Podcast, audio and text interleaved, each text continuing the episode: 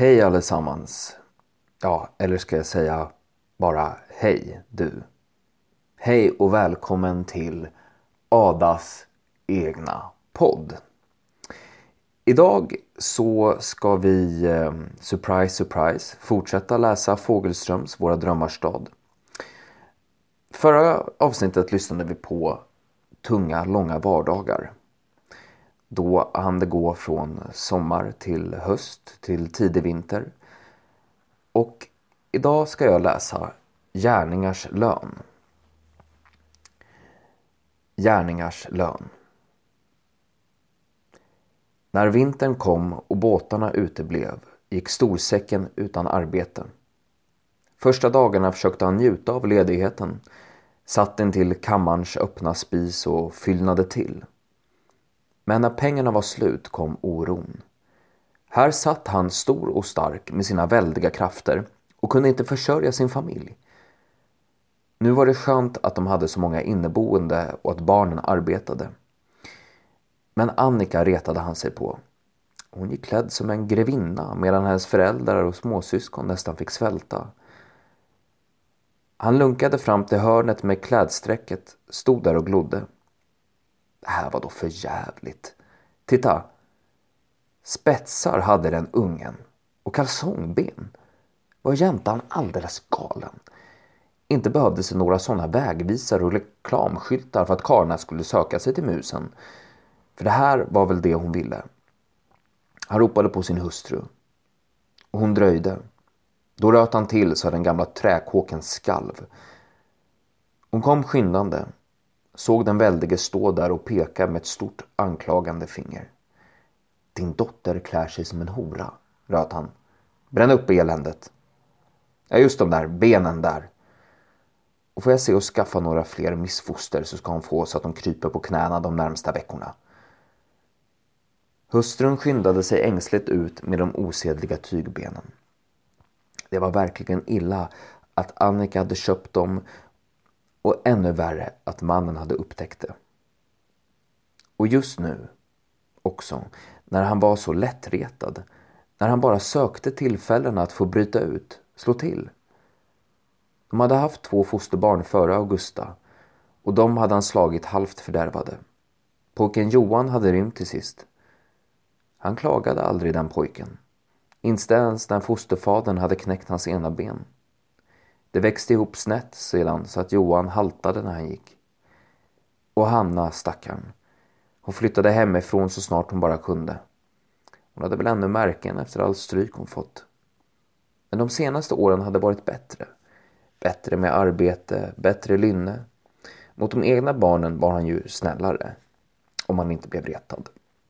Och Augusta hade en märkvärdig förmåga att hålla sig undan för honom och liksom rann bort. Fast aldrig i vägen. Fast det här var för illa. Varför kunde Annika inte vara försiktig? Gömma sina kläder under filtarna istället för att hänga upp dem som utställning. Hon visste ju att hennes far retade sig på allting. Bränna upp, hade han sagt. Visst, visst. Men nog var det illa. Så broderade och fina plagg. Hon skulle nog kunna gömma dem någonstans där hon aldrig skulle hitta dem. Inte för att hon ville att Annika skulle gå klädd så utan bara för att det skulle vara orättvist att förstöra det som dyrt betalts. Storsäckens hustru klev upp på köksstolen och gömde Annikas byxben i en tom kruka långt inne i ett sällan öppnat skåp. Klara kom hem i ryktet.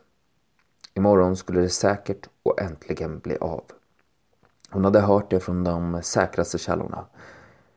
En flicka vars syster sällskapade med ett vaktmästarbeträde på det gamla rådhuset. Då var det inget tvivel om saken. Hon och Matilda hade begärt, och lyckats, få halva lördagen fri. Storsäcken som gått och muttrat hela dagen sa jaså och jaha. Men borde väl ut och titta förstås. Så småningom drogs han av med allt pratande och spekulerande och berättade om hur det var förr i tiden. Han hade minsann varit med. Men kallt som det var borde man ha ordentligt med brännvin med sig. Inte minst för flickornas skull om de tänkte sig ut. För något fruntimmersnöje var det egentligen inte fråga om. Henning hade inget arbete som väntade. Han skulle kunna följa med. Några dagar hade han gått och plockat nere på stearinfabriken, städat upp efter byggarbetet. Men nu var han ledig. Han beslöt sig för att tala med tummen först innan han eh, gjorde upp med de andra. Medan de diskuterade tog han sin mössa och gick ut i snögloppet. Följde gatan som krympte ihop till en stig i snön. Lägenheten där tummen sov med föräldrar, syskon, kusin och inneboende var inte riktigt lika överbefolkad som hos storsäckens. Det fanns faktiskt en vrå där de kunde sitta i fred. Jo, tummen, han hade också hört ryktet. Mäster Vanselin hade till och med sagt att de som ville kunde fritt mot avdrag på lönen. Dels kunde det vara nyttigt för dem att vara med och se. Dels var det bättre att de var lediga än att de försökte smita ifrån på alla tänkbara sätt. Som de brukade gick de två vännerna en bit innan de skildes åt. Följde gatan upp till Nytorget och strövade en stund mellan böndernas översnöade slädar och stängda skjul. Berusade drängar skrålade från krogen. Någonstans skrek en flicka. Men det lät som hon var full hon också. En liten figur med stora vindfyllda kjolar stretade ensam fram. Det var Annika och de hojtade efter henne. Hon stannade och väntade, glad åt att få sällskap i den mörka sista biten. Hon kröp in mellan dem för att få så mycket skydd som möjligt. Liten och skyddssökande, men samtidigt kavat så säker och näbbig. Men i den mörka och kalla farstun stod hennes mor och väntade på henne. Tummen och Henning skildes åt och Henning smet försynt förbi mor och dotter som tydligen hade något allvarligt att tala om. Och något som gjorde Annika arg och farlig, det kunde han höra på tonen. Men storsäckens hustru bönade och bad, varnade. Hon gjorde vad hon kunde som hon alltid fast så föga framgångsrik hade gjort. Annika fick inte brusa upp och börja skrika efter sina kläder. Då skulle det bli full föreställning redan ikväll. Men flickan sköd av vrede. Dessa kläder som hon slitit så hårt för, offrat så mycket på. Att han ens vågade röra dem. Han med sina stora svarta labbar Plötsligt såg hon fadern som en av de många busarna som måste slås på fingrarna och sättas på plats. Han hade vågat kladda på hennes kläder. Han hade lagt sig i det som inte angick honom. Annika hade blivit bortskämd. Storsäcken var svag för sina vackra sin vackra dotter. Hade tålt mycket av henne som han aldrig skulle ha tålt av hennes mor. Hon sköt modern åt sidan och klev in såg fadern sitta i yttre rummet och tala med färjan och de två flickorna. Ganska berusad, som så många av hennes kunder. Utan att hälsa passerade hon, gick in i kammaren och slog igen dörren efter sig. Storsäcken såg efter henne. Paketet hon bar på. Hennes sätt att gå, fraktet som syntes redan i rörelserna. Jaså, grevinnan kom nu och hade köpt mer bjäfs medan hennes far inte ens kunde skaffa brännvin slog i dörren. Förnämt ska det vara. Man passar inte längre. Då ska grevinnan få höra vem det är som bestämmer i det här huset. Han reste sig tungt, vacklade till och tog stöd mot väggen. Spinnerskorna och färjan såg undrande efter honom. De hade varit mitt inne i ett samtal. Barnen på golvet kröp försiktigt baklänges. Storsäcken öppnade dörren till kammaren slog igen den efter sig. Hans hustru stod kvar i farstun och grät. Sjönk ihop när hon hörde dörren slå. Visste inte var hon skulle ta vägen. Inte in i kammaren. Där kunde hon ingenting göra nu. Inte in i rummet till de främmande som bodde mitt bland dem. Bara farstun fanns kvar och där stannade hon. Skakande av köld. Tysta, skrämda satt de inneboende kvar som de suttit. Väntade hörde de gräla där inne i kammaren. Annikas litet gälla röst, storsäckens låga, liksom tunga ton. Annika så arg att hon nästan skrek av ilska. Och så ett rytande som kom från Augusta av hicka av skräck och fara ända ner under färjarens säng. De hukade, kände slagen. Matilda såg mot dörren med uppspärrade ögon. Satt plötsligt händerna för öronen. Föll ner över sängen och skakade av gråt. Klara höll lugnande om henne. Själv i en stämning av förtvivlan blandad med en underlig glädje över Annikas förnedring. En flykting återförd till den gemensamma cellen. Färjan vred oroligt på sig, knäppte upp skjortan i halsen, såg sig omkring, reste sig och gick ut. Och Henning satt och såg mot den stängda dörren. Ville rusa in och säga stopp, ville försvara Annika. Men kunde inte röra sig. Annika vrålade där inne. Nu fanns ingenting av ilskan kvar. Bara smärta, förtvivlan, skräck. Ibland steg ett ord ur vrålet. Ett snälla, ett förlåt. Men slagen föll fortfarande. Äntligen hade han slutat.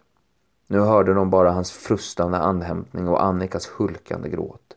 Och som ett eko steg gråt från Augusta under färjans säng. Från Matilda som borrat sig ner bland kuddar och filtar. Från farstun där storsäckens hustru sjunkit ner i trappan. Dörren till kammaren öppnades.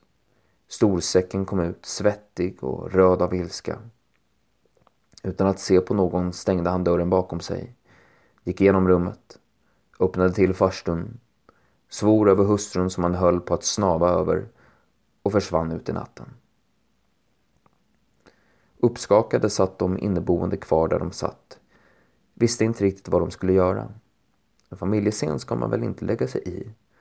Och flickan levde åtminstone, det kunde de fortfarande höra. Farstudörren öppnades försiktigt. Kvinnan som väntat där ute smög förbi dem. Hon öppnade till kammaren och hörde gråten där inifrån högre. Annikas uppgivna snyftningar. Fyraåringens ängsliga barnskrik. Så stängdes dörren igen och de mer anade än hörde hur modern lugnade och tröstade. Hon fick barnet att tiga och flyktan att snyfta allt lägre.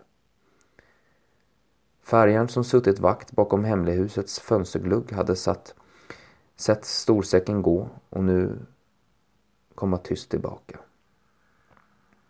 Han klädde hastigt av sig och kröp ner, drog filten över huvudet och demonstrerade att han var omottaglig för samtal. För en gångs skull försakade hans flickornas kvällsbestyr. Och förlusten var liten. De kröp ihop nästan helt påklädda. Gömde sig för tillvaron och omgivningen. Matilda grät fortfarande och Klara höll moderligt om henne. Skräcken förde också barnen på golvet närmre varann. Storsäckens son och fostermoder snurrade ihop sig som knuten. Försökte bli så små att de kunde glömmas bort och inte irritera någon. Henning satt och såg på dem. Två rädda djur, skälvande som nyfödda valpar. Till slut somnade de. Augusta fortfarande snyftade i sömnen.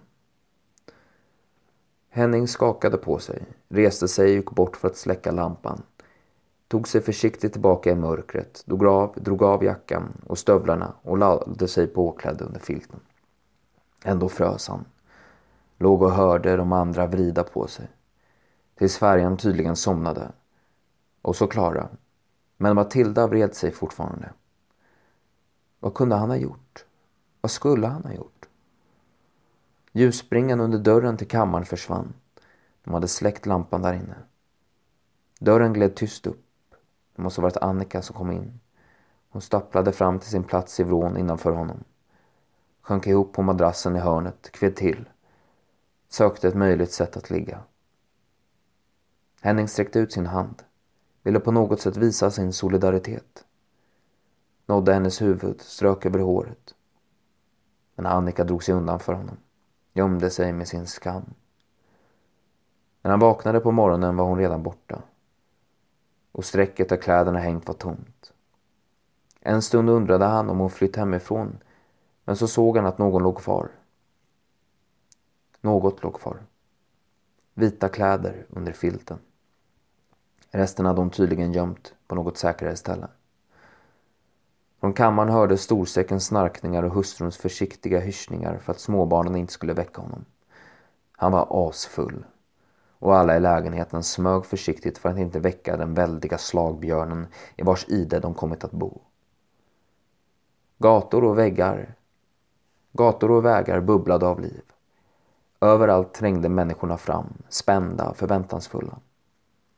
Tummen stod och väntade på Henning och de två pojkarna slog följe med Klara och Matilda som lyckats smita från färjans uppvakning. Klara skrattade och hängde sig fast vid Hennings arm men Matilda hade inte kunnat sova sig ifrån gårdagens upplevelse. Det var svårt för tummen att få henne att tina upp trots att han bjöd till. Till slut tyckte Klara att hon måste berätta vad som hänt. Som Klara skildrade det lät det inte så märkvärdigt. En far hade agat sin dotter och sådant hände just dagligen, överallt. Tummen föreföll inte att ta det så djupt. Så småningom greps också Matilda av stämningen, spänningen. Det var något av folkfest i luften. Små rännilar av svarta figurer kom från hus och bakgator, flöt ihop till väldiga strömmar som sökte sig mot Götgatan. Ivriga pojkar sprang för att komma i tid. Flåsande gubbar stretade. Uppskärrade flickor fnittrade. När de nalkades de mindre parallellgatorna till Götgatan fick de vänta för att släppa förbi slädarna som kom farande. Under skrik och varningsrop försökte de åkande ta sig fram genom sidgatorna för att slippa bli stoppade i trängseln på huvudgatan. De måste skynda om de skulle få se något. Överallt hade folk ställt sig. Klara drev upp takten. Därför hann de nästan ut till Skanstull innan suset steg, innan ropen hördes. Nu kommer han! Där kom kärran rullande, följd av folk som sprang för att hinna med. De hann en bit upp på berget innan kärran passerade dem. Stod tryckta mot en vägg och glodde. Var satt han? Jo, det måste vara han, bredvid den uniformsklädde, åkande baklänges. Mitt emot honom prästen och någon ämbetsman. Såg inte ut som ett vilddjur de hade föreställt sig. Bara en vanlig trubbig bondpojke. Och nu var kärran så nära målet. Slutstationen väntade. Soldater från garnisonen hade bildat spetsgård kring trä, trätribunen. En myndighetsperson läste något. Hon kunde inte höra vad, men antagligen var det väl domen. Alla klängde och klättrade för att komma närmre. Några kärror stormades av skådelystna. En del tog sig upp på skjulen små småkakarnas tak. I de kala träden hängde druvklasar av pojkar. Några kvinnor som tagit sina småbarn med sig skrek och trätte. Ungarna klämdes och grinade. En kantig figur med hårt hugget ansikte frigjorde sig från gruppen. Det var Johan Fredrik Hjort. Fånggevaldigern som blivit bödel. En skälvning gick genom massan. En sval pust av rädsla. Hjort gav sina drängar order kontrollerade alla förberedelser en sista gång, väl medveten om sin publiks krav. Nu hade kärran kört ända fram till spetsgården. Prästen och de två andra myndighetspersonerna steg ut. Den dömde, gardisten och kvinnomördaren Göte reste sig hastigt. Tog några snabba steg. Så stod han uppe på schavotten. Tyckte sig förvirrad omkring bockade. Tryckte predikantens och den ena myndighetspersonens händer. Någon av åskådarna påstod att det var fängelsedirektören. Ett dovt morrande steg ur massan. Någon hyschade i förhoppning om att den dömde skulle få tala till folket. Gardisten Göte lade ifrån sig mössan och rocken på staketet som satts upp kring schavotten. Tog av västen, knöt av sin långa vita halsduk, fumlade med händerna i nacken. Skjortan var knäppt i ryggen, slet till så att knapparna rycktes bort och skjortan fläktes upp. Predikanten som tagit halsduken tog ett steg framåt. Tydligen för att knyta den som en bindel kring den dömdes ögon. Men gardisten skakade på huvudet och prästen drog sig tillbaka igen.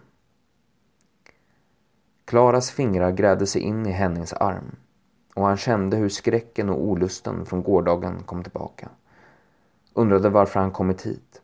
Om han skulle se eller blunda, stanna eller fly. Men stod kvar och såg. Lika fast, lika bunden som kvällen innan. Matilda hade borrat in huvudet mot tummens bröst, gömde sig och ville gå. Men nu var det omöjligt att tränga genom folkhavet. Gardisten gick fram till stupstocken och föll på knä. Predikanten följde honom. Nu för att lägga rocken över den nästan bara ryggen. Medan prästen läste välsignelsen rättade den dömde till huvudet. Passade in halsen i urtaget på stocken. Åter steg suset ur tystnaden. Böden hade höjt sin bila.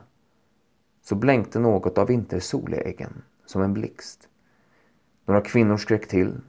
En pojke föll ur ett träd. Två strålar av blod sprutade från den huvudlösa halsen. Färgade snön.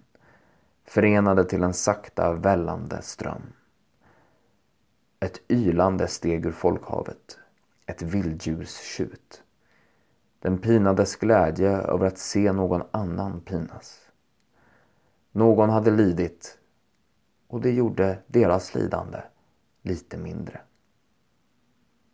Matilda skakade av gråt. Men Klara stod fascinerad och såg. Som om hon ville inpränta varje detalj i minnet. Föreställningen var över. Rakarddrängarna lämpade kroppen över i korgen där huvudet förut låg. Skarprättaren avsynade sin yxa och torkade äggen. Alla korgar fylldes. Alla krogar fylldes. Alla tyckte sig ha behov av en styrketår. Man skålade för Göte och för den skicklige hjort som med ett enda hugg hade befriat samhället från en av dess grövsta brottslingar. Där var kapitlet slut. Vi hoppas att våra lyssnare, lyssnare har haft en trevlig stund. Eh, jag ser fram emot att komma tillbaka och fortsätta läsa denna fantastiska bok. Vi har lyssnat på kapitlet Gärningars lön som handlar om en del av vintern i Stockholm på 1800-talet. Nästa gång ska vi läsa Den vackra våren. Man kan tro att våren kanske kommer då till Henning och Tummen och Annika och resten. Jag eh, önskar dig en mycket bra dag. Och eh, när klockan börjar närma sig exakt 23 minuter så vill jag säga på återseende.